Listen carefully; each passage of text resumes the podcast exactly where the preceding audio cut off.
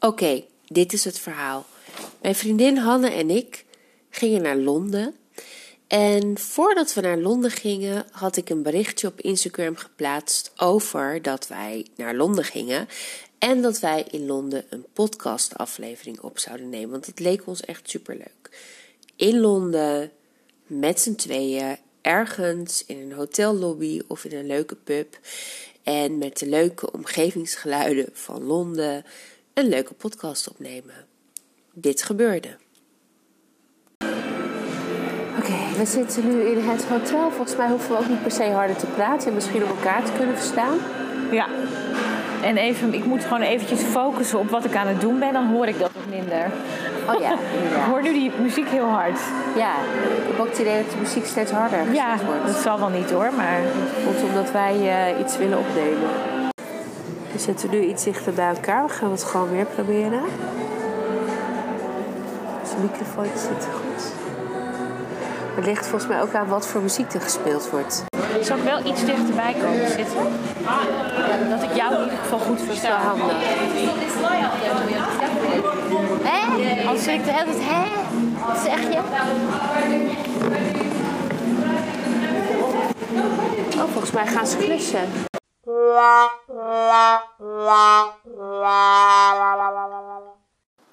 Ja, dat wij is- hebben er natuurlijk beeld bij, hun natuurlijk niet. Nee. Maar goed, maar ehm, Londen werd het niet. Lelystad wordt het wel. Ehm, nou, we zijn een paar maanden verder. Want eh, dat was in februari hè, dat we naar Londen waren, Ja. toch? En nu zitten we lekker in jouw eh, kapschuur. Eh, het waait wel, dus dat, eh, dus dat kunnen de mensen misschien wel horen. Maar de bedoeling was dus dat we het gingen hebben over eh, verschillen tussen eh, zwanger zijn eh, en moederschap vroeger, zeg maar, tussen haakjes. Dus ehm, toen wij ehm, moeder werden en nu. Ik voel me wel meteen heel oud als je het zo zegt. Ja, maar er zijn best wel, er zijn echt best wel veel, best wel veel verschillen. En ik had eventjes een paar eh, opgeschreven voor mezelf. En ehm, wel even goed voor de luisteraars. We, het wordt misschien een beetje scherp af en toe. En eh, we kunnen wel een mening hebben over dingen, maar we willen het wel vooral respectvol eh, houden. En als wij iets vinden, betekent niet dat het per se zo is. Nee, zeker. Of dat eh, vrouwen die eh, daar anders over denken het verkeerd doen. Maar het is Mhm. meer de verschillen gewoon die wij ervaren, of die wij ervaren, die wij zien. En dat is niet per se goed of fout. Ehm, nou, het eerste eigenlijk wat mij, en daar hadden we het net ook al even over. Ehm, het het samen slapen eh, met je kinderen. Dat dat Ehm, ik krijg van een eh, kennisje van mij krijg ik eh, het kindmagazine eh, af en toe eh, eh, doorgespeeld. En dat, dat kindmagazine gaat heel erg over natuurlijk moederschap. Dus ehm, vooral eh, veel borstvoeding geven. ehm, ehm, ja, dat, dat moederschap denk ik een soort organisch laten verlopen. Maar een van die dingen is dus ook samen slapen. En dan zag ik een foto met een heel groot bed. Hadden ze zelf gemaakt. En dat bed kon het hele gezin in. Maar er waren volgens mij drie kinderen of zo. Wauw. Maar die ouders die slapen dus dan nooit meer alleen. Nee. Hoe moet je dan weer nieuwe kinderen maken? Oh ja, daar heb ik nog niet eens over nagedacht. Maar ook dat je dan zelf nooit echt goed slaapt, lijkt mij. Tenminste, ik zou niet echt goed slapen als er kinderen naast me liggen. Ook niet in een bed van eh, drie bij drie. Ja, misschien helpt dat wel iets natuurlijk. Maar eh, nee, ik heb wel bij onze oudste... ehm, heb ik het wiegje op onze slaapkamer gezet. Ja.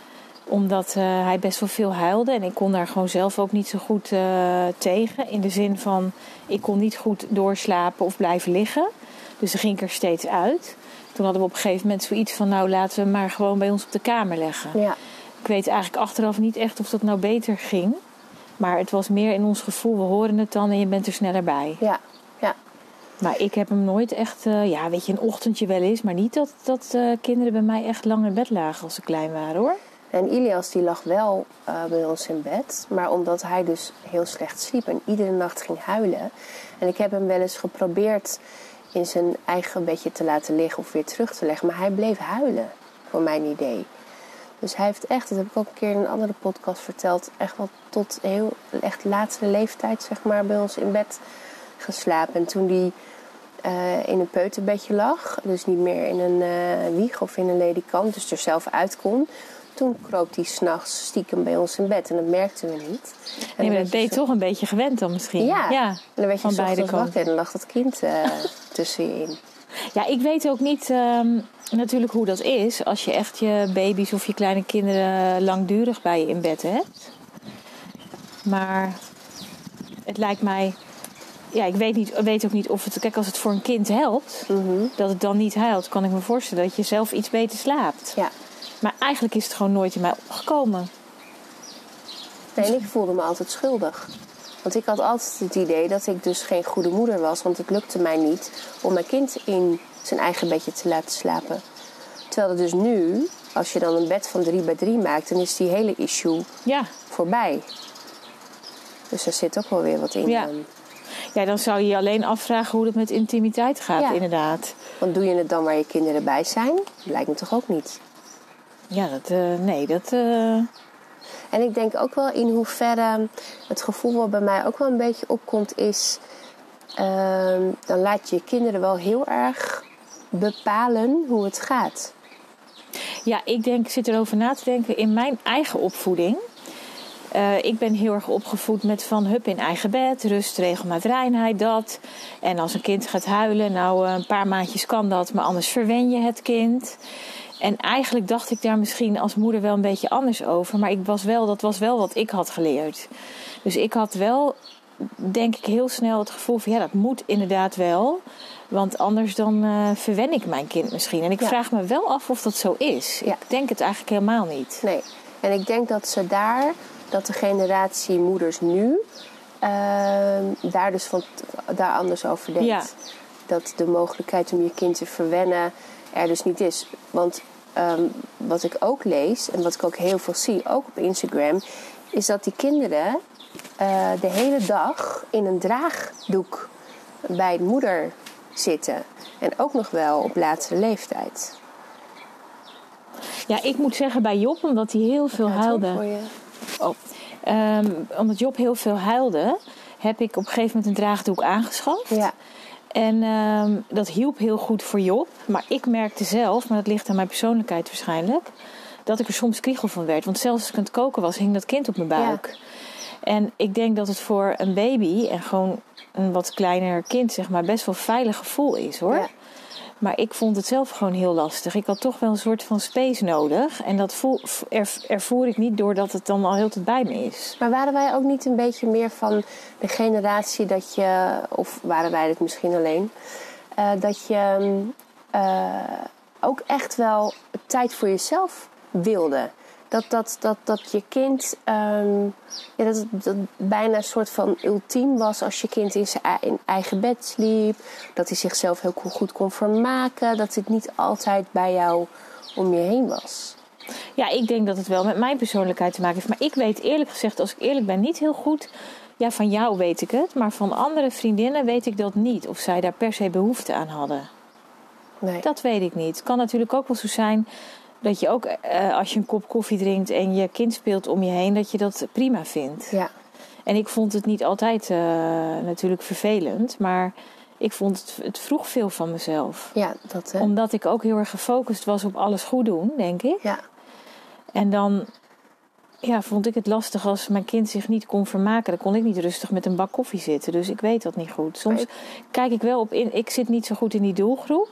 Maar als ik op Instagram kijk, denk ik, het geeft ook wel een soort van vrijheid of rust dat je daar wat makkelijker in bent. En dan wel je kind gewoon meeneemt naar een terras en eh, alles Ja. samen doet. Ja. Ook wel ergens, als je daar zelf relaxed mee omgaat. Ja, inderdaad. Maar ik vraag me wel af hoe dat dan is voor... Want er zijn nog steeds moeders eh, die die tijd voor zichzelf nodig Ja. hebben. hè. Als je bijvoorbeeld kijkt naar hoogsensitieve moeders. Nou, dat zijn we Ja. ook allebei. Ja. daar hebben we het ook best wel eh, vaak over. Hè, hoe je dan tijd voor jezelf eh, nodig hebt en hoe je daar dan mee omgaat zonder dat je je kinderen of je man het gevoel geeft dat je niet van ze houdt. Maar ook in deze tijd zijn natuurlijk hoogsensitieve moeders. Ja, en dan, is, dan kan de norm lijken, door alles wat je dan nu ziet en leest natuurlijk, dat je dat allemaal moet kunnen. Ja. En je kind moet gezellig mee op het terras, uit eten, altijd samen. Ja, ik denk dat dat wel, eh, wel fijn is als je dan ook leert van, nou ja, dat hoef ik niet zo te doen. Nee, Dat kan ook anders. ja. Ja, en met dat verwennen van kinderen. Ik weet niet of je dat op jonge leeftijd echt kunt doen. Ik denk wel dat, maar dat is misschien old school ook, dat het ergens ook goed is dat een kind wel leert van, ook al is mama in de kamer, eh, mama doet ook wel eens haar eigen ding. ja. Maar misschien is dat mijn opvoedingsding, dat ik dat ook prettig vind, dat mijn kinderen dat leren. Dat weet ik dus niet goed. Zou het ook, een, eh, ook je eigen visie kunnen zijn? Ja, denk ik wel. Ja. Ja, ik denk, kijk, mijn, ehm, vanuit mijn opleiding weet ik dat eh, voor hechting, voor de hechting van een kind, je hebt natuurlijk verschillende stadia. Kijk, als zo'n babytje eh, echt super klein is en ook nog niet eh, de wereld buiten hem kan onderscheiden, dan maakt het eigenlijk niet uit of jij nou in de kamer bent of niet. Dat klinkt heel lullig. Maar op het moment dat een kindje gaat huilen en Ja. jij gaat hem troosten, eh, dan leert het eh, van oké, als ik ga huilen, dan is er dus iemand die mij comfort Ja. geeft. En er worden dan bepaalde hersenbanen aangelegd die maken dat een kind later ook relaties aan kan en alles. Ehm, maar ik eh, denk dat je als je al, als jouw kind altijd een beroep op jou kan doen en een kind hoort nooit nee. Als zo'n kind naar school gaat, moet de juf dus ook altijd ja, ja zeggen en, en eh, tijd voor hem maken, maar ook in de maatschappij. Ja. Als jij voor een baas gaat werken, die heeft ook niet altijd. Dus ik, mijn eh, visie daarop eh, is dat ik, ehm, ik. Ik wil mijn kind eigenlijk zo zelfstandig mogelijk maken, maar wel het gevoel geven dat hij eh, geliefd is en Ja. dat hij eh, mensen kan vertrouwen. Goed punt. Ik denk dat dat wel waar is, want dan kan zo'n omgeving van je, ja, je nulde jaar tot je vierde heel erg natuurlijk om jou draaien. Wat niet per se eh, fout is. Maar je leert, dan is de wereld wel hard als je ergens anders komt. Ja, Dus Ja. ik denk wel dat het, een, ja, dat het verstandig is om een balans te hebben. Dat een kind dat ook leert, inderdaad. ja, Ja, en een kind bijvoorbeeld vervelen is ook iets heel goeds eigenlijk. Ja, Hè? ja. Ik vond dat zelf wel lastig hoor. Ik had het wel het gevoel, zeker bij de eerste, dat ik ja, dat, dat hij zich niet mocht vervelen of zo. En daardoor kwam ik ook wel in een spagaat, denk ik. Maar wat is dat dan? Is dat dan dat eh, we dan het gevoel hebben dat we falen omdat ons kind zich verveelt? Of wil je eh, dat je kind zich altijd eh, prettig voelt en blij? Ik denk bij mij het laatste. Ja, Dat ik er zelf niet goed mee om kon gaan dat mijn kind onrustig, vervelend of huilerig was. Terwijl ik ook wel echt goed kon bedenken, hij heeft alles gehad. Ik heb al de hele ochtend met hem erop zitten. Het is prima dat hij daar even alleen zit. Maar dan nam, of mijn hormonen, ik weet het niet, nam de hele boel eh, dat over. Dan kon ik daar niet goed eh, nee, mee omgaan. Dus ja, maar was dat eh, toen die baby was of ook toen die peutertje was? Een kleuter. ook wel. Ook toen hij kleuter was wel. Ja. Ja, Want ik herken inderdaad wel dat oergevoel dat als, als Ilias ging huilen, dat was gewoon geen optie. Dat was het geen neemt je optie bij over mij. of zo, ja. hè? Ja, Maar dat, zou- dat is toch niet nu heel anders dan toen wij eh, de kinderen klein hadden? Want moederschap is toch moederschap ergens in, de, in de basis. Weet ik niet hoor, ik heb er geen verstand van. Maar ik zit het zo even hard op te bedenken. ja. Dat oergevoel, dat heeft toch bijna elke moeder, denk Ja. ik. En misschien dat juist doordat natuurlijk moederschap d- er meer ruimte is voor dat oergevoel Mhm. of zo. Dat het wat organischer is en dat je dus doet wat voor jou goed voelt. Ja, En wat je net ook zei, dat, dat je dan de vrijheid hebt ook om eh, dat soort dingen dus wel gewoon te doen. Je kindjes bij je in bed laten slapen. Ja. Of eh, ehm, ja, dat dat meer vrij gevoel geeft dan dat je het gevoel hebt van eigenlijk alles in mij zegt ik wil mijn kind bij mij houden. Maar de norm is dat ik hem dat hij in zijn eigen bedje moet na drie maanden. ja. Ik denk wel, ik zat net te denken, nu zeg jij het eigenlijk al. Ik denk dat het ook echt heel erg te maken heeft wie, hebt, met wie je om je heen hebt. Ja. Want ik heb, was niet een moeder die heel veel las. Ik las natuurlijk ook wel sommige magazines, maar ik ook, terwijl ik zwanger was, was ik meer met mezelf bezig dan met heel erg de ontwikkeling. Uh, dus dingen overkwamen mij ook wel een beetje. En dan was mijn referentie de mensen van mijn eigen leeftijd die het op een bepaalde manier deden en mijn eigen opvoeding. Ja. En ik denk, zou het zo kunnen zijn dat het moederschap van nu iets relaxter is omdat er meer kan of zo? Dat idee heb ik wel eens.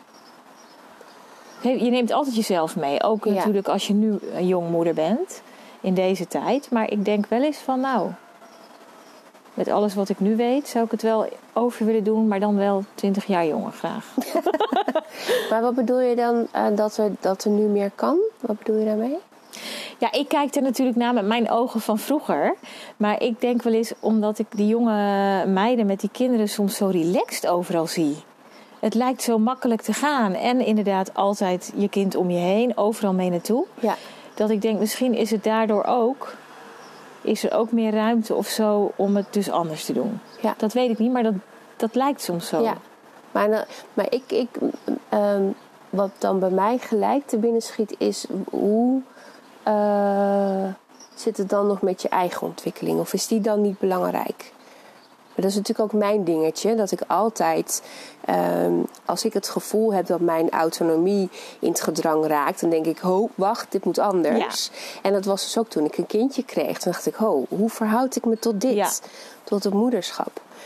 Maar ja, goed, het kan dus ook zo zijn dat dat, dat, dat is dus helemaal oké dan. Of zo. ja, dat denk ik. ja. Nou ja, en het is wel fijn als er mensen in je omgeving zijn die je daarmee kunnen helpen. Als je wel het gevoel hebt van dit slokt me op Ja. en ik heb tijd voor mezelf nodig.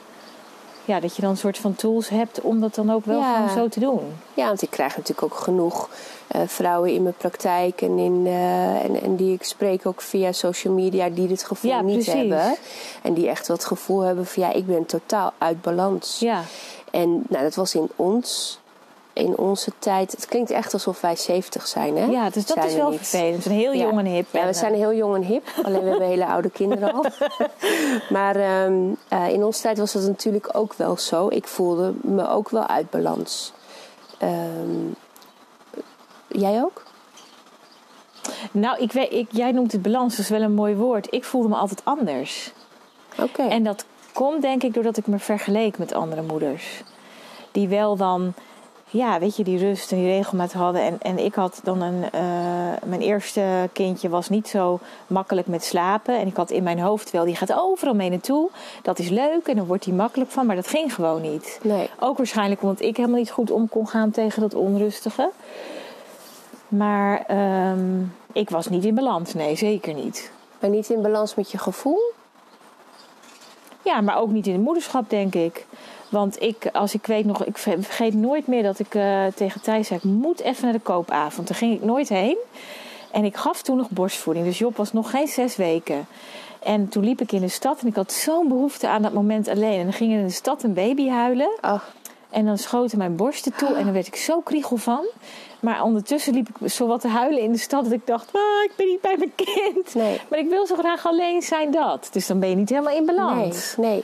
Als je in balans bent kun je denken, oké, nou, ik word er even emotioneel van. Maar ik heb lekker een momentje voor mezelf. Ik geniet er even van. Maar kun je dan, als je nu terugkijkt naar die situatie, kun je dan duiden wat maakte dat dat het eigenlijk zo eh, ambivalent was eigenlijk?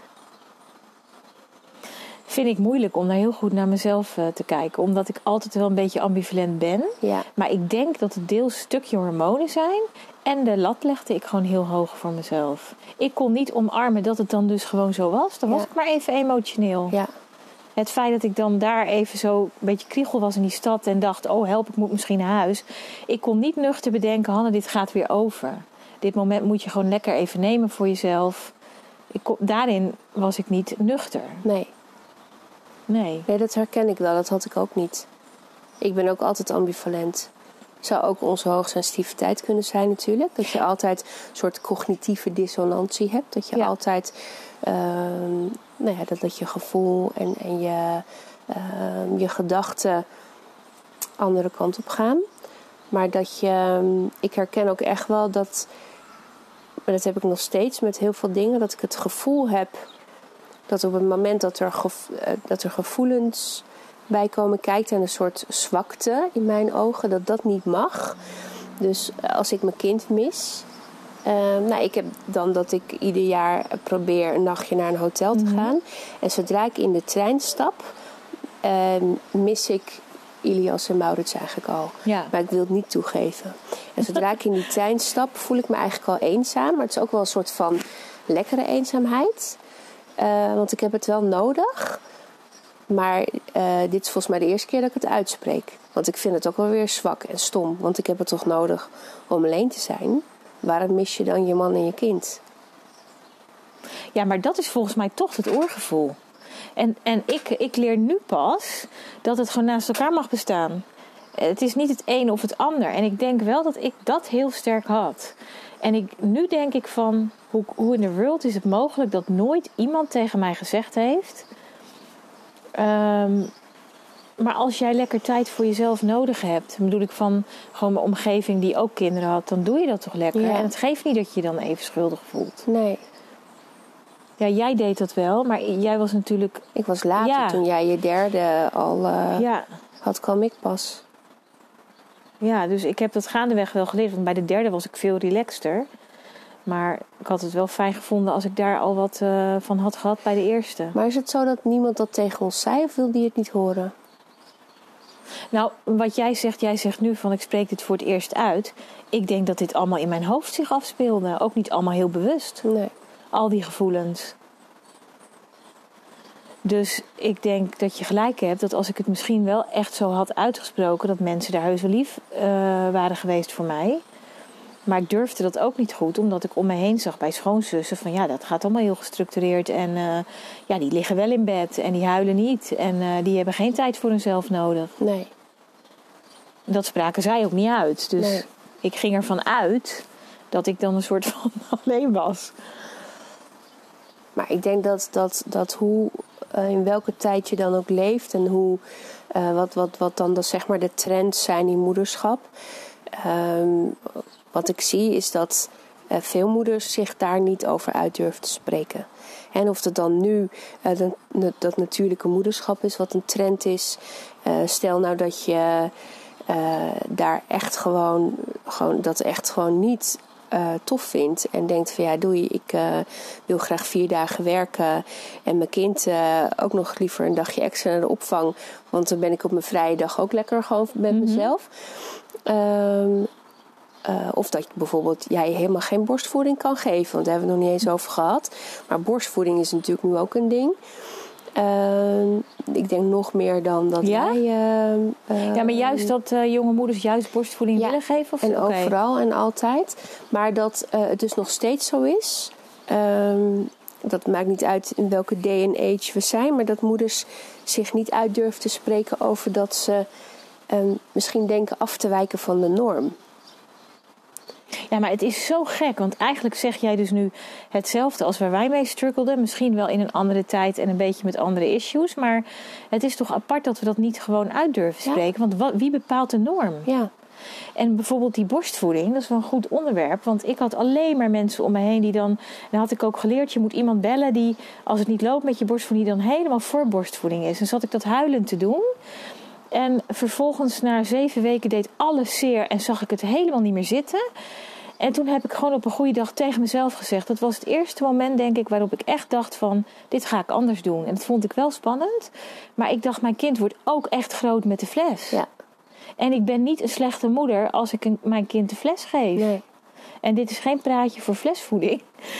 Maar ik probeerde wel goed te luisteren naar mijn lijf. En naar wat paste bij mij. Ja.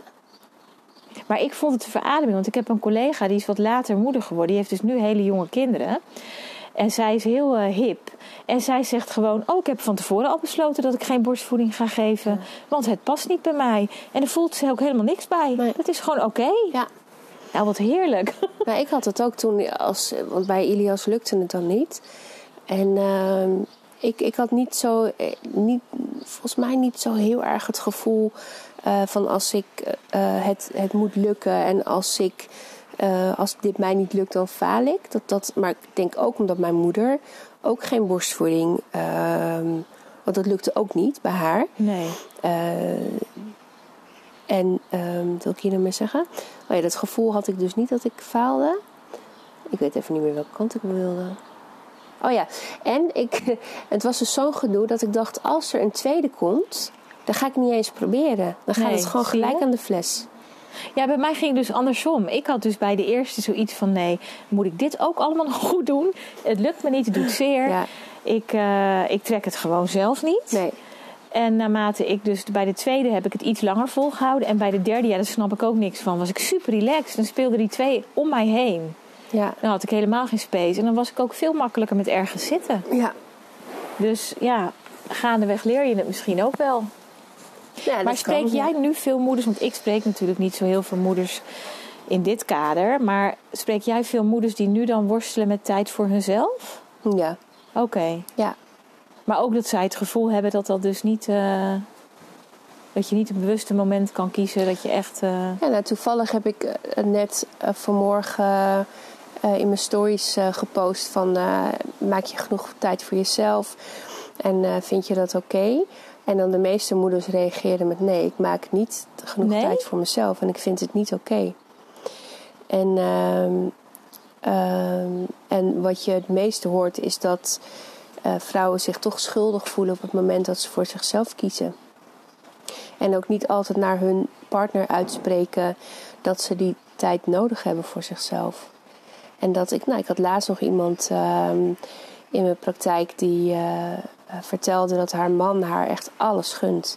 En die, die, die sport zelf drie weken in, eh, drie, drie dagen in de week, die man. En eh, dat die, en zij ehm, ja, vertelde dat ze eigenlijk sinds ze kinderen heeft niet meer. Voorheen ging ze altijd lekker naar de schoonheidsspecialist. En dat deed ze sinds ze kinderen heeft niet meer. Toen zei ik, waarom eigenlijk niet? nee.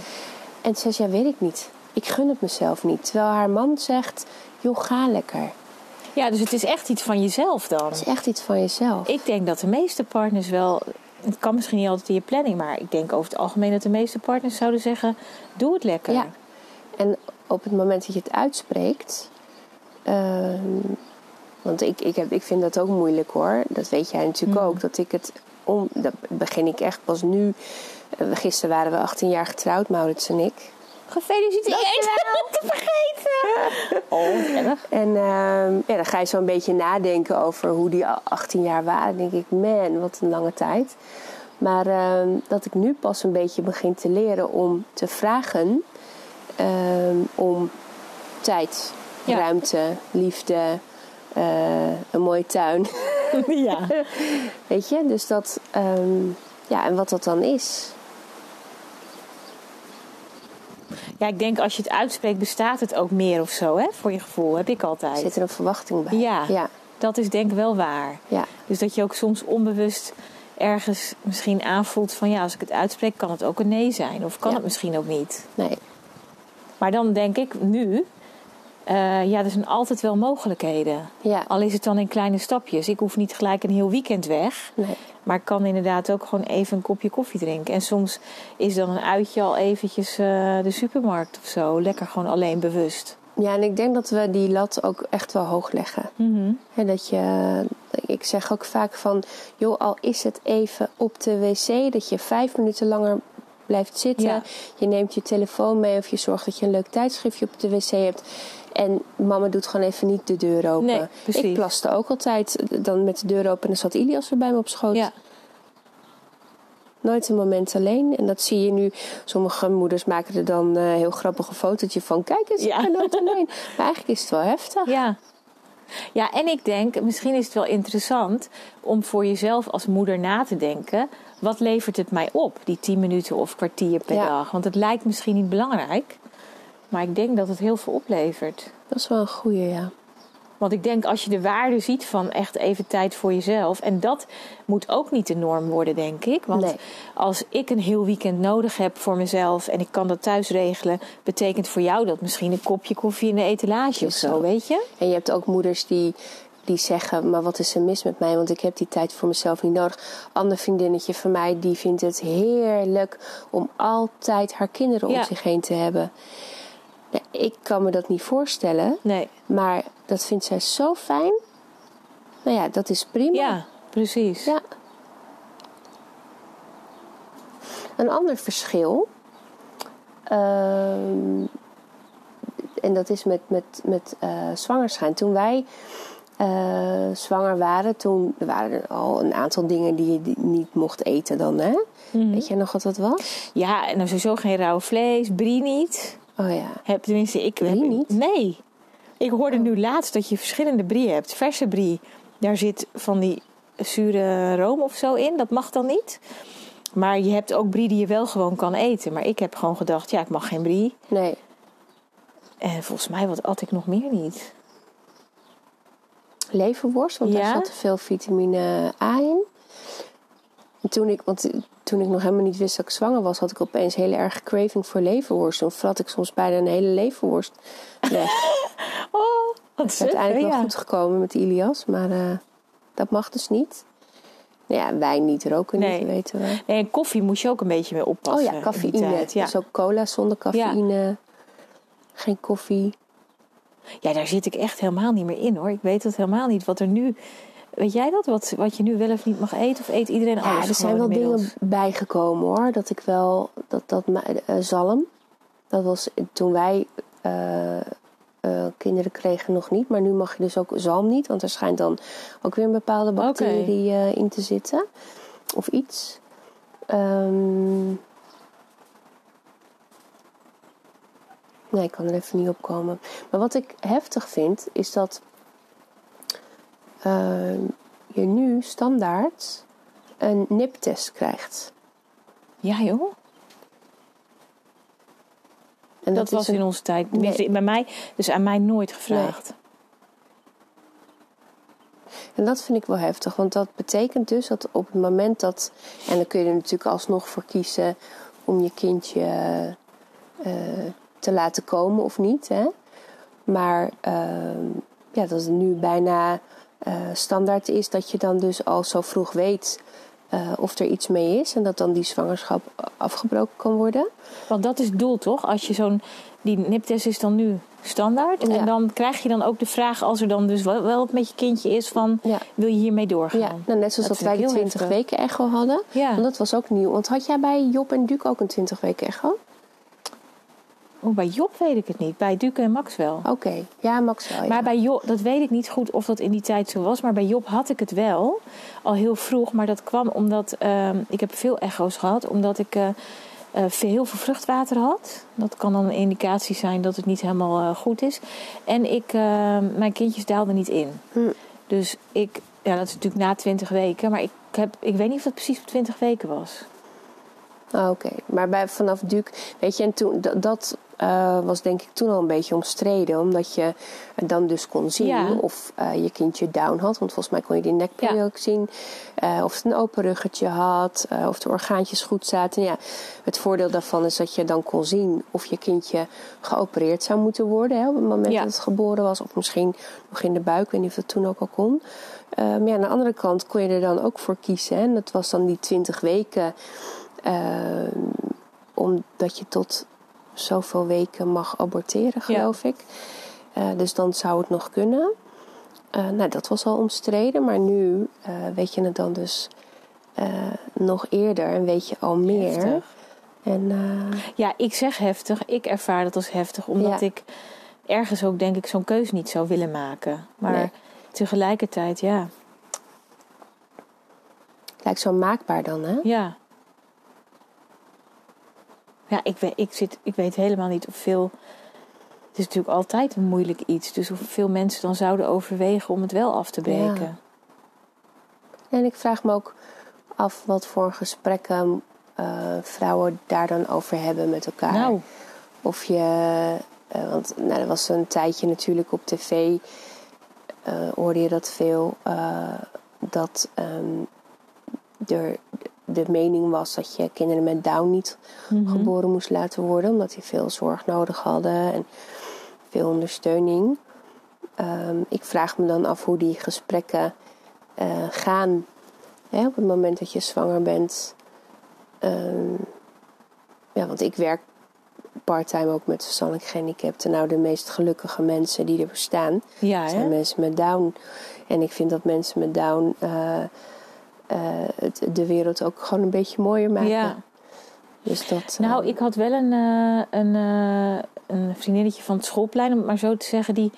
wij liepen gelijk op met de zwangerschap en zij had ook drie zoons. En zij was heel snel in verwachting van een meisje. En daarbij was het wel gevraagd. Dat was bij haar vierde zwangerschap. Oh ja. Maar zij was heel duidelijk in, eh, dat, dat gesprek heb ik dan wel meegekregen. Dat ze gelijk had gezegd, oh daar wil ik helemaal niks van weten. Ik wil dat ook niet, die nekplooimeting. En al zou het eh, niet goed zijn, dan laten we het gewoon geboren worden. Ja. Want als dit er allemaal niet was, dan hadden we het ook niet geweten. Ja. En ze zegt, ja, dan moet je het er ook mee doen. En Ja. ik wil er eigenlijk helemaal in de zwangerschap niks mee. Nee.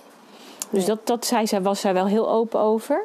Maar verder heb ik dat gesprek no- nooit ook zelf eh, gevoerd of dat iemand dat deelde. Dus dat lijkt me echt super lastig. Ja? Maar het lijkt ook wel, als je dat dus standaard die vraag krijgt, ja, dan moet je er dus ook meteen wat mee. Ja. Dat lijkt me ingewikkeld. Ja. Zeker als je zo'n karakter hebt als ons, dan ik kan het ook niet uitschakelen om er dan niet over na te denken. Nee, inderdaad. Ja, dat is heftig, ja. Kijk, het mooie is dat je dan natuurlijk wel erop voor kan bereiden. Ja. Hè, voorheen was het wel zo dat je dan eh, eh, voor, eh, ja, voor dat feit stond. En dat je dan eh, opeens een kindje had met een, ehm, met een beperking, een afwijking. Ja. Ja, ik denk wel eens, misschien zou ik wel nu moeder willen zijn met jonge kinderen. Maar ik vraag me dan wel af bij mezelf: heeft dat te maken met de tijd? Of heeft dat te maken met dat ik zelf wat wijzer ben geworden en wat ervaring heb opgedaan in het moederschap? Ik denk toch het laatste. ja, maar ik vind ook dat je veel leukere dingen hebt nu ook. Ja, dat vind ik ook. Zoals, zoals En dat genderneutraal vind ik ook heel leuk. Ik het was in onze tijd natuurlijk ook niet. En al die leuke nude kleurtjes Ja. voor die kids. Wij hadden echt dat hele felle groen en blauw en grijs. En het was ook nog wel echt blauw en roze. Ja, ook, ook Dat? inderdaad. Heel erg jongens- en meisjeskleren. En ehm, wat je ook leuk hebt nu. Oh, ik wou dat dat in de tijd. Want wat ik net al zei, dat Ilias eh, natuurlijk slecht sliep. Ehm, dat was een heel bewegelijk mannetje. Dus die lag dan en dan was dat. woep, die armpje Oh, en ja. beentje en dan was hij weer wakker. Ja. En ik had wel eens dan mijn, eh, dat voedingskussen zo lekker om hem heen gelegd. Maar zo gaat het dan in mijn hoofd. Denk ik, ja, ik ben weer die moeder die nodig heeft dat dat voedingskussen om dat kind heen ligt. Dus ik had dat niet eh, geaccepteerd voor mezelf. Dus dat heb ik snel weer weggehaald. En op een gegeven moment toen, eh, ik weet nog, ik zat bij een vriendinnetje van, eh, een gezamenlijk vriendinnetje van ons. Zij had op Ilias gepast en hij was toen een week of acht, negen denk ik. En hij lag lekker op, mijn op, op zijn buik, op mijn schoot. En hij sliep, jongen, en hij bleef maar slapen. En ik dacht, hij moet op zijn buik liggen. Maar in die tijd Ja, dat is waar. was dat helemaal nadat. Ik had ook buikslapen. Maar vanaf toen Klopt. heb ik Ilias op zijn buik laten Ja. slapen. En toen sliep hij wel overdag. Nog steeds s'avonds niet. Dat was wel een toen dingetje. sliep hij dat ook klopt. overdag.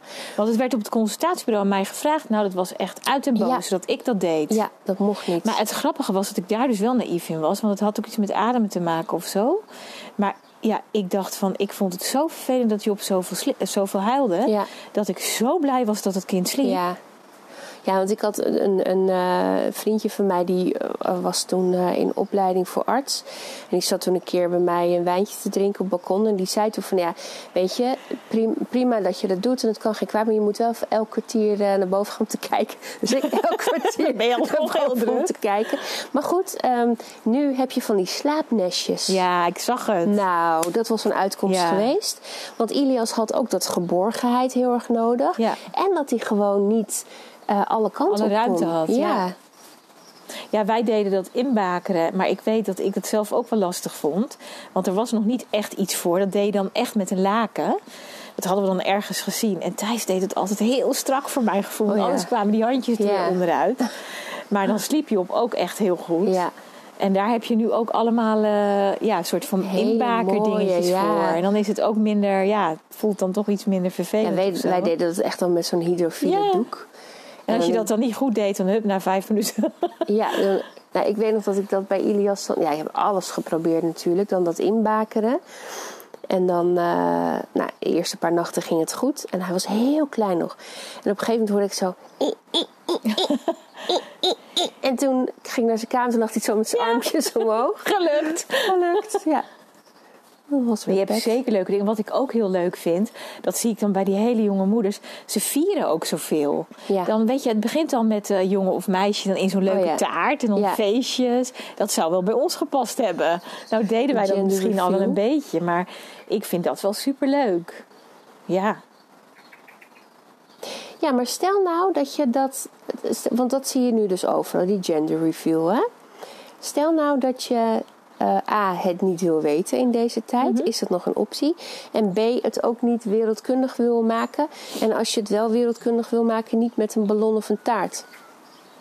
Nou ja, dat zal dan wel de nieuwe norm geworden zijn. Dat moeders die dat dan niet willen, kunnen zich best wel vervelend daardoor voelen. Ja. ja, maar ik denk dat de boodschap in alles is: je moet echt dicht bij jezelf blijven. En inderdaad, spreek het maar wel uit naar een goede vriendin of een moeder of weet je, of van mij een tante, waarvan je het gevoel hebt dat die wel goed luistert. Ja, Want dan is het ook fijn dat je wel eventjes, eh, ja, misschien niet het gevoel hebt dat je alleen bent. ja en ik denk dat je ook ehm, het inderdaad ook naar je vriendinnen uit moet spreken als je dat durft. Want je hoort zo vaak, en dat zeiden we net ook, van niemand die het tegen mij zei. En ik denk als ehm, je daar als vriendinnen ook open en eerlijk over durft te zijn, ehm, dat je ook niet het gevoel hebt dat je alleen bent. Want dat vind ik zo schrijnend. Nou, dat is natuurlijk ook waarom ik Nieuwe Moeders ben gestart. Dat zoveel vrouwen het gevoel hebben dat ze alleen zijn hierin. Terwijl ik inmiddels weet Ja, dat er heel veel vrouwen zijn die zich eenzaam voelen Ja. en onzeker en gefrustreerd. En het misschien niet allemaal heel erg leuk vinden. Ja, en de andere kant denk ik ook er niet. Denk ik nu ook over mezelf. Als je het niet uitspreekt, weet de ander het niet. Ja, En ehm, ik denk al, ik heb altijd het gevoel gehad, ik moet wat van die ander leren. Omdat ik heel erg bezig was. Ik doe het misschien niet goed. Maar een ander kan ook wat van mij leren. ja, Dat bedoel ik niet eh, als arrogantie, maar wel van als de ander zijn referentie is rust, regelmaat, reinheid. Ik heb geen tijd voor mezelf nodig. Leert die ander ook van, oh, maar het kan dus ook anders. Of er zijn moeders. Ja. Dat geeft al begrip, denk ik. ja. Ja, en dat je dat ook benoemt naar elkaar. Dat je kunt zeggen van wat tof dat jij dat op die manier doet. En dan niet dat, dat de ander dan het gevoel heeft van oh, maar Ik moet er wat van vinden of zo. Ja, ja, en ik denk dat we daar ook heel kritisch over zijn naar elkaar. Weet je, wij hebben dat ook wel gedaan, dat je dan op het schoolplein loopt. Eh, ik ben zo blij trouwens dat we niet meer op het schoolplein hoeven Dat te is staan. ook, daar kun je ook een hele podcast Oh over my maken. goodness. Maar goed, dat je dan ook echt een oordeel had over die moeders die dan of slonsen waren... of gewoon al helemaal in de make-up. Dat je dacht, hoe krijg je dat voor Maar elkaar? hoe stonden wij erbij dan? Dan kan je ook niet echt goed naar jezelf kijken, hè? Goed. nee, nee, dat is ook zo. Ja. Zonder kleren, vergeten aan de kleren. Ja. ja. Ja, of dat, dat ik... eh, nou ja, jij werkte ook. En ik vond het ook gewoon niet leuk om te helpen op school met die moedermafia. en dat ik dan altijd de laatste moeder was die die kutlijst invulde met wat er gemaakt moest worden. Mocht je nog eh, de laatste dingetjes meenemen. mocht je fristie meenemen. En het grappige is dat, dat de moeders die op een gegeven moment on- ontdek je dat je hebt dan de moeders die eh, altijd al klaarstaan voor school en juf en vaderland. Die klitten heel erg met elkaar. En dan de moeders die zich daar niet zo lekker in voelen, die zie je dan dus nog een beetje onzeker om zich heen kijken. En op een gegeven moment vinden die elkaar Ja. ook. En dat is zo leuk. Ja, Want dan, eh, eh, ik weet nog dat ik, dat ik dan wel eens appte met bepaalde moeders. Zo van, eh, shit, we moeten wat maken. Oh, ik heb er niet op gerekend. Nee, ik ook niet. Weet je wel dat.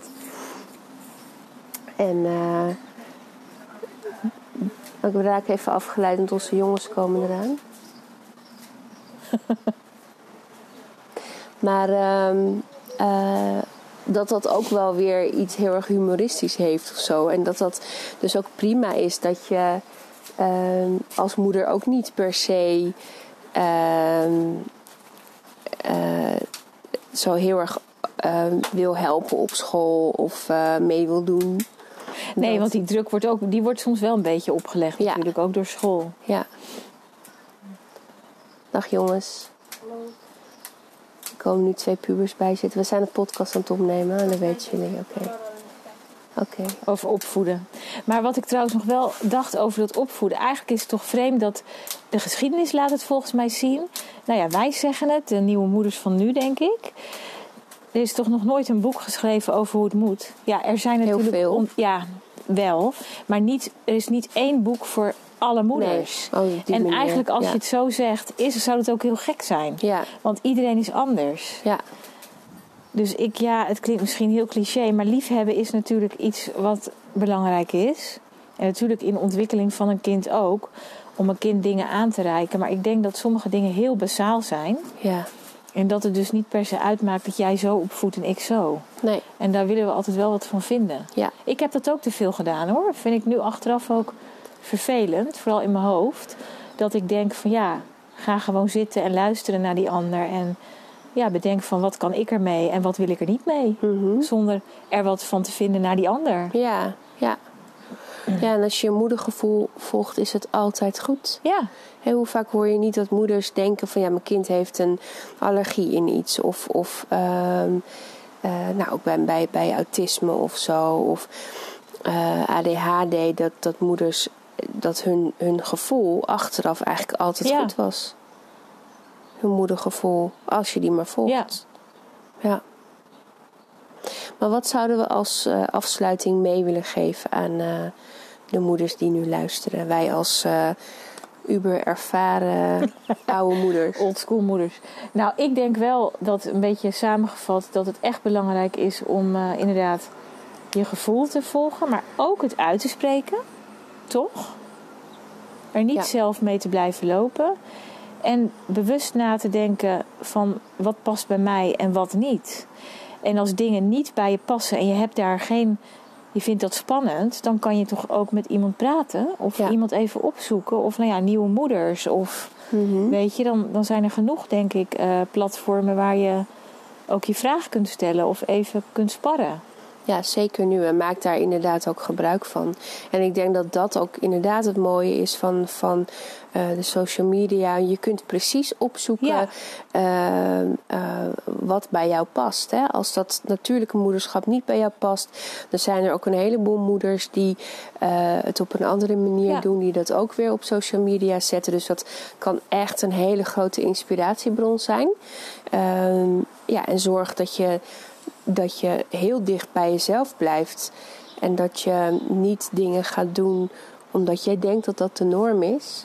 Want daardoor raak je alleen maar Ja. jezelf kwijt. En dat is zonde. Ehm, ja, dat is zonde, want je zit ehm, eh, juist in een periode als je jonge kinderen hebt. eh, waarin je zelf nog heel erg ontwikkelt. Je leert zelf ook heel veel. Ja. En dat geeft ook niet. Het hoeft niet. het hoeft niet zo te zijn dat je alles moet weten of zo. Nee, Dat maakt het ook ingewikkeld, denk ik trouwens hoor. Omdat je ook een soort mee ontwikkelt als moeder. ja, In die ontwikkeling van je kind. Maar ergens moet je het misschien juist zien als iets moois. Dat je gewoon soms denkt, nou dit is niet handig. Dat ga ik anders doen. ja, Ja, inderdaad. Een mooie afsluiter. Neem we nog een bakkie? ja lekker. Lekker.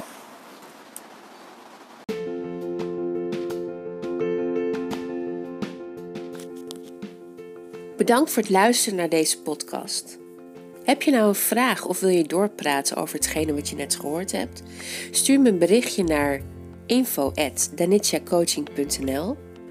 En als je zelf ook eens in de podcast wil met je verhaal, stuur naar hetzelfde e-mailadres een berichtje. Nou, bedankt nogmaals en graag tot de volgende keer.